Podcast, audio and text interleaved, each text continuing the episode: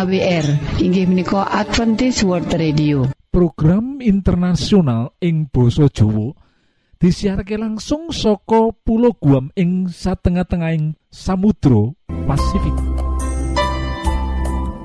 Sederek ing wektu sing apik iki bakal maparake tiga program yoiku siji ruang motivasi lan rumah tangga loro ruang kesehatan lan telu ruang firman Allah.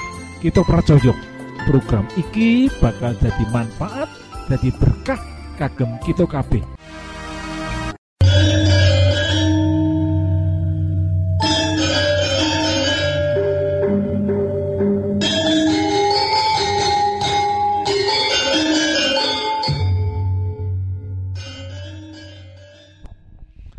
Tema motivasi waktu iki yaitu masalah anak setelah dewasa. Dan bagian pertama dari pembahasan iki yaitu persoalan yang ditabur pada masa kanak-kanak atau masa kecil akhirnya harus dituai pada masa dewasa. Hidup tidak terlepas dari persoalan atau para sederek. Pada masa anak kecil ada persoalannya setelah anak agak besar, ada juga persoalannya sendiri.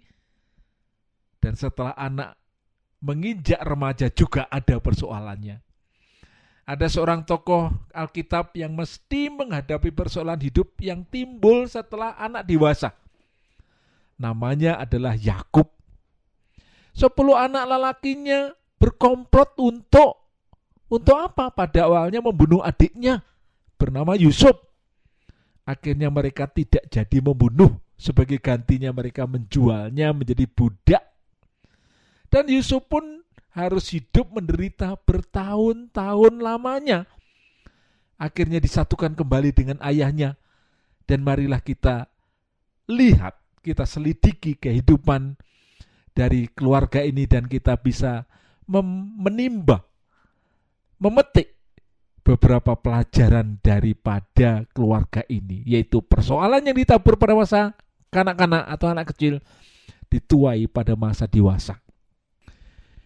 Yakub ora mencintai ibu dari sepuluh anak laki-laki nih sing bernama Lea. Yakub hanya mengasihi ibu kedua putra bungsunya Rachel Sayangnya, ia meneruskan ketidakcintaan itu kepada anak-anaknya. Lah ini. Memang ada masalah waktu pernikahan dulu, dia ingin menikahi Rachel tapi diberi oleh bapaknya yaitu Leah. Harus bekerja tujuh tahun lagi untuk mendapatkan Rachel. Tetapi ketidakcintaannya kepada ibu ini diteruskan juga kepada anak-anak yang ke-10 ini. Yakub memperlakukan baik banget loh.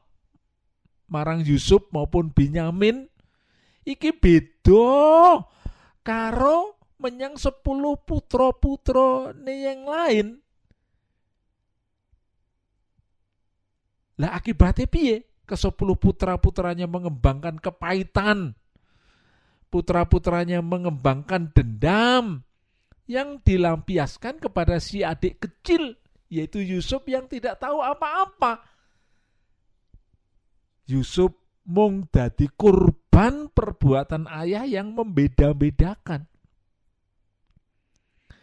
Sebagai orang tua kita wajib membesarkan loh. Kita sebagai orang tua wajib membesarkan anak-anak dengan penuh kasih kita ndak boleh lo membeda-bedakan anak, ndak boleh. Apalagi meninggi-ninggikan anak di depan adik-adiknya atau kakak-kakaknya. Perlakuan khusus koyo mengkini ini akan koyo piye gini ya. Berakibat berpotensi menimbulkan sakit hati lo poros diri. Dan tidak jarang nimbulake rasa benci ana ing ati anak-anak liyane. Berbahaya banget loh para sederek. Sedapatnya para sederek jangan kita kaitkan kasih kepada anak dengan apa yang diberikan orang tuanya. Jangan.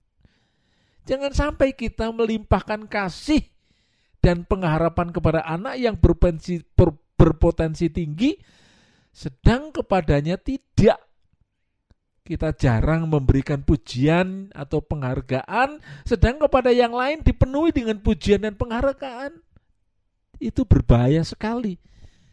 Tetapi Yakub tidak belajar dari hal ini. Anak pun memerlukan disiplin.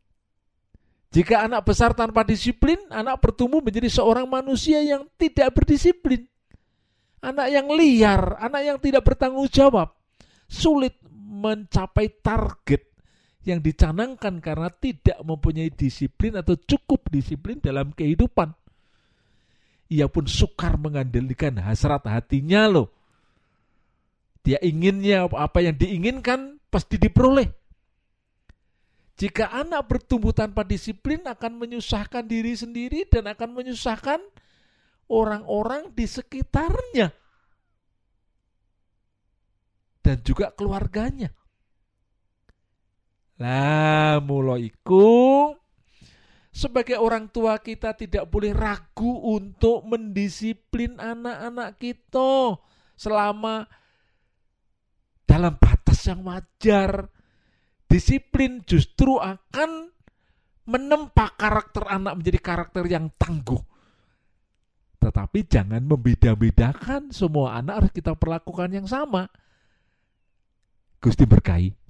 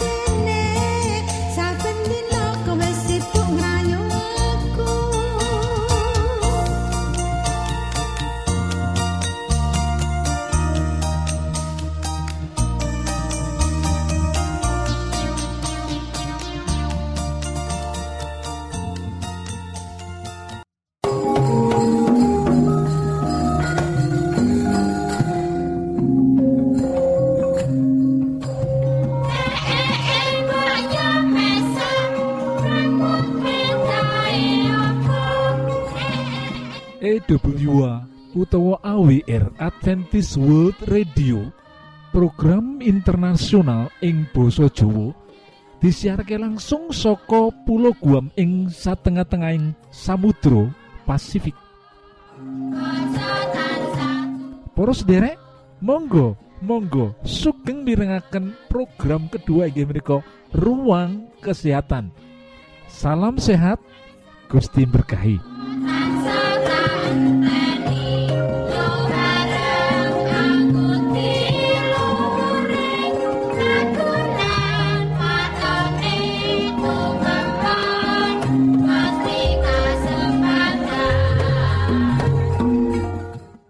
Mula yen lansia kersane Gusti ora perlu dikuatiri, disumelangi, ditampa lan dilakoni wae kanthi lega lan seneng. Nanging uga aja banjur ninggal ing pangati-ati. Sebab ora bisa diselaki merga yuswa tuwa organ-organ awak wiwit kendho lan loyo. Gampang kena gangguan fisik lan psikis. Untunge sadurunge sawenehe gangguan teka kadhisikan anane gejala-gejala kang bisa enggal dingerteni lan dititeni yaiku kang disebut gejala 10B B. Kang, lam, kang kalimo yaiku batuk. Batuk utawa watuk arupa gangguan amarga anane peradangan ing lapisan batang tenggorokan utawa ana pipa udara paru-paru. Yen kondisi penderita lemah, contoh lansia, peradangan kuwi ana kemungkinan bisa dibarengi infeksi laringitis, tracheitis, uga bronkitis. Tondo-tondone yen sakawit penderita mung cekrah-cekreh njur watuk guguk. Tip solusi, Yen watu isih krasa ringan, coba ngunjuk jamu-jamu tradisional dhisik utawa obat watu umum. Conto laserin OBH. Menawa mantep padatan uga enggal saras, nanging yang meksa durung mari becik cepet tindak neng dokter. B kang keenem yaiku boncel utawa ompong. Gangguan sakit wajah rata-rata nyerang penderita ing periode umur dewasa nganti masa lansia. Sebabe maneka remen ngunjuk panas adem, ngakibatake gigi rengat lan kropos. Mergo kropos nancepe akar gigi ana gusi dadi goyah ogal-agil. Sebab liya mergo umur, lapisan email kang nglindungi gigi sangsaya nipis wusana ilang kakikis, gigi njur gampang kaserang sakit. Akibate padha akar gigi melu kaserang, goyah, rapuh, wusana keropos. Tip solusi, menawa kahanane wajah wis goyah, nanging dirasa ora ganggu, becik dijarake dhisik. Mengko secara alami bakal copot dhewe. Mung eleke susunan gigi katon boncel-boncel ompong. Ewa semono yang dirasa ganggu becike dicabut kabeh lan diganti gigi palsu. Gendahare ya samsaya enak. B kang kapitu yaiku boyok. Gangguan boyok kasebabake anane penyumbatan kelenjar lan organ ing pinggang. Mergo aliran darah kang abnormal, Mongko yen pinuju kumat gangguan boyok kuwi njelei banget. Posisi awak kaya apa wae boyok panas nyengat, lungguh ngadeg apa maneh krasa kerengkangan. Tip nanggulangi cara alami coba sering soho ajek ngunjuk wedang jahe esuk sore. Dene cara medis coba ngunjuk pil Voltaren kanthi resep dokter sak mestine. B kang kawolu yaiku beser. Beser kasebabake anane gangguan saraf saluran kantong kemih. Uga kasebabake kelenjar prostat kang lower membesar. Akibate sadelok-delok air seni sering lolos metu tanpa kakontrol kakendali. Tip solusi mergo nyangkut piranti so organ dalem kang penting prayoga langsung periksa dokter. Para sederek, para sederek pengen gadai kesehatan sing prima.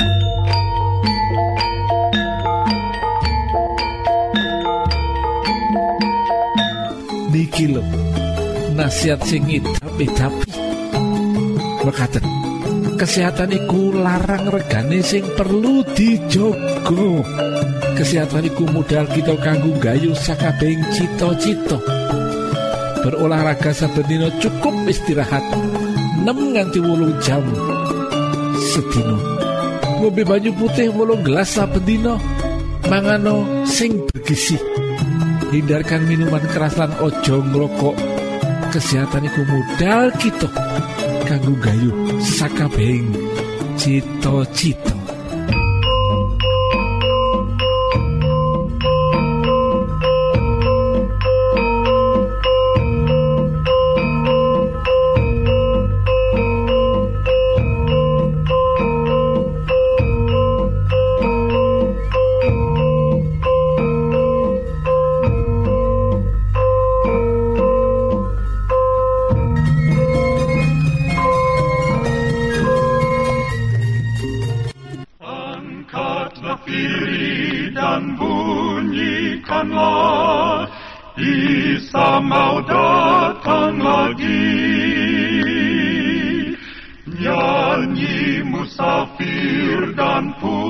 Pujikanlah.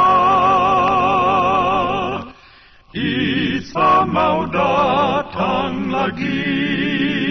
EWA utawa AWR Adventist World Radio. Program internasional ing basa Jawa. Disiharke langsung saka Pulau Guam ing satengah-tengahing Samudra Pasifik. Para sederek, ing wektu sing apik iki monggo kita siapkan hati kita kangge mirengaken firman Allah.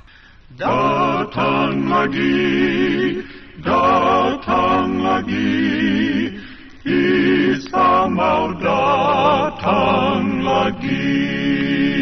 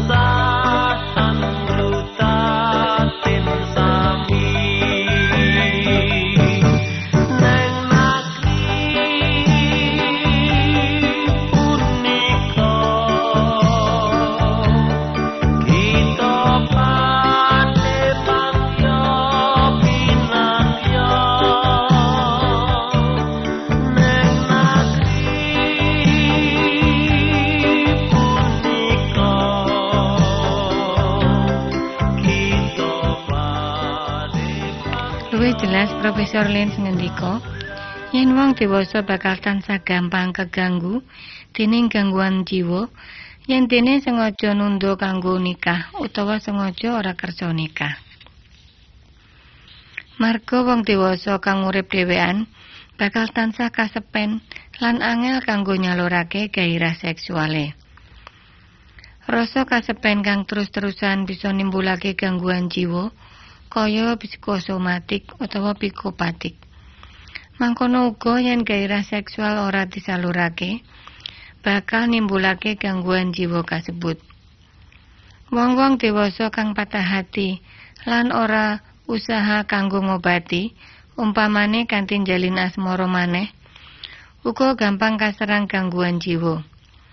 Profesor Lins akeh ketemu kasus gangguan jiwa kaya psikosomatik utawa psikopatik kang ditandang dening para priya lan wanita kang patah hati. Malah saking ngabote rasa patah hati kasebut nganti ana kang bunuh diri. Gangguan jiwa depresi uga kerep kena marang priya utawa wanita patah hati kang ngumbar dirine terus-terusan sedih lan kasepen. Yen bab kaya iki mung terus, bakal nggawa akibat ala. Umpamane yaiku bunuh diri. Gumantung marang obat-obatan terlarang utawa migunakake obat kliwat takeran lan liya-liyane. Gangguan akibat patah hati kangelan nyalurake gairah seksual bakal bisa dicegat kanthi bangun rumah tangga kang harmonis. Para sutrisno, yen miturut Lins, katon bangun rumah tak kanthi bangun rumah tangga kang harmonis, selaras, pria lan wanita bakal oleh kanca urip kang bisa diajak rembukan, becik ngrembug bab kang serius utawa bab kang santai. Kanca rembukan kang nyenengake mampu ngentengi abote sanggan perasaan utawa pikiran. Luwih saka iku yen rumah tangga wis bisa dibangun kanthi becik utawa selaras, mula bakal ndadekake kang lakoni ngrasa kagungan arti urip. Istri kang ayu utawa suami kang ganteng jelas dadi kebanggaan kang nyimpen makna luhur. Kanthi urip bebarengan pasangan kinasih, bakal ngrasa optimis ngadepi urip ing tembe mburi. Marga tembe mburi iku wis katon luwih jelas lan mesti. Beda yen isih dhewean, urip krasa ing terowongan kang sepi lan adem, medeni rasane. Para sutresno, saka hasil penyelidikan nunjukake yen sanggan ekonomi rumah tangga kang abot uga bakal dianggap enteng lan nyenengake yen ing jerone wis kejalin hubungan kang selaras. Marga paribasane abot padha tipikul, enteng bareng dijunjung. Yen kakung lang putri wis selaras sajroning saling tulung tinulung, saling ngisi siji marang sijine, sakabeh bakal krasa enteng lan nyenengake banget. Akeh keluarga kurang mampu, nanging tetep bisa rukun lan seneng, ayem lan tentrem. Marga ing buri kahanan prasaja iku kasimpan keselarasan. Marga iku anak-anak kang perlu biaya akeh kanggo pendidikan, kang tansaya mundhak terus ora dadi sanggan kan, sanggan kang abot yen ing rumah tangga kasebut wis kejalin keselarasan. Senajan kudu kerja mati-matian, bakal ngerasa seneng banget. Anggere bisa nyukupi kebutuhane anak lan rumah tanggane. Ing rumah tangga kang harmonis, selaras ora bakal ana sesambat. Bapak Ibu kang kinasih, kagem para bapak kang ngrasa susah marga pasulayan karo ibu. Masalah rumah tangga becike didadekake PR ing bab iki yen pengen urip seneng lan jiwa raga sehat kudu berjuang utawa usaha nyiptake keselarasan rumah tanggane. Rumah tangga kang kerep pasulayan sawetara bapak utawa ibu ora usaha kanggo nyiptakake keselarasan ing rumah tanggane. Alon-alon pasulayan kasebut bakal bisa nimbulake gangguan jiwa marang bapak utawa ibu ing rumah tangga kasebut. Lan yen wis kena gangguan jiwa utawa stres abot, salera dahar bakal merosot. Penampilan tansaya ora simpatik, wegah ngurus salira, awak dadi alum. Bisa nelongso lan suami mbok nawa bakal golek wanita liya kang luwih seger. Ora ananing keselarasan ing rumah tangga kang nganti suwe ora ditandani, ora mung nyebabake suami lan istri susah lan keganggu, nanging uga alon-alon gawe rumah tanggane berantakan. Sebab bapak lan ibu ing rumah tangga iku bakal gampang kegodo, ora seimbang utawa sengaja kegodo. Dadi aja kaget yen akeh kasus penyelewengan kang diwiwiti saka sebab ora selaras ing rumah tangga kasebut. Bangun keselarasan rumah tangga yen turut Profesor Lins merloake ten telung syarat utama yaiku kapisan kersa ngalah. Senajan ana masalah ing rumah tangga, nanging nganti sikap ngalah bakal tetep bisa mbangun keselarasan ing rumah tangga. Saumpama istri luwih gedhe bayare utawa luwih pinter utawa luwih dhuwur pendidikane kudu tetep kersa ngajeni suami kang luwih rendah bayar lan pendidikane utawa suwalike. Sing kapindho yaiku ana pangerten. Pangerten ing kene jelas ing kabeh aspek kauripane dhewe-dhewe. Lan kanggo bisa mangerti, suami lan istri kudu kersa blak-blakan ngenalake diri. Kejujuran kudu tansah dilaras suami istri kanggo mujukake sapa jati dirine supaya pasangan luwih gampang mangerti kanthi jelas. Katelu ngasihi siji lan sijine. Kang dimaksud iku loro-lorone tansah orientasi kanggo maringi. Kepinginan maringi kudu tansah diutamakake lan tansah diusahake bisa dadi kasunyatan. Suami lan istri kang saling ngasihi tansah disik-disikan nyenengake pasangan. Mula wis samestine yen wong-wong kang mangkono iku tansah kasil bangun rumah tangga kang selaras. Yen telung syarat mau wis dikatindakake, rumah tangga bakal tansah kukuh. Senajan akeh problem kang muncul. Lan kudu dieling. Yen telung syarat mau orang butuhake dana utawa biaya. Kanthi tembung liya kanggo mbangun rumah tangga kang harmonis selaras ora perlu materialistis. Para sutresna ingkang kinasih, kula aturaken panuwun sanget. Dene sampun nyuwun kawigatosan panjenengan sedaya. Mugi-mugi menapa ingkang kita aturaken wonten manfaatipun kagem panjenengan sakeluargi. Lan Gusti Allah tansah paring ayo mugi kasugengan kagem panjenengan sedaya. Keluargi. Lan Gusti Allah tansah paring ayo mugi kasugengan kagem panjenengan sedaya.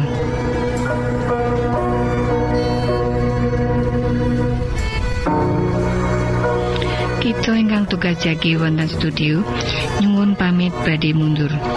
pilih wonten pitaken-pitaken utawi unjuking atur masukan-masukan lan menawi panjenengan gadah kepengingan ingkang lebet badhe sinau bab pangantikaning Gusti. Lumantar kursus Alkitab tertulis monggo. 3 Advent Suara Pengharapan PO Box 80 Jakarta setunggal kali wolu setunggal 0 Indonesia. Panjenengan saged mlebet jejaring sosial Kawulo inggih menika Facebook pendengar radio Advent suara pengharapan utawi radio Advent suara pengharapan. Saran-saran pitaken ugi tanggapan panjenengan tansah kawulo tenggo. Lan saking studio kula ngaturaken bumi panuwun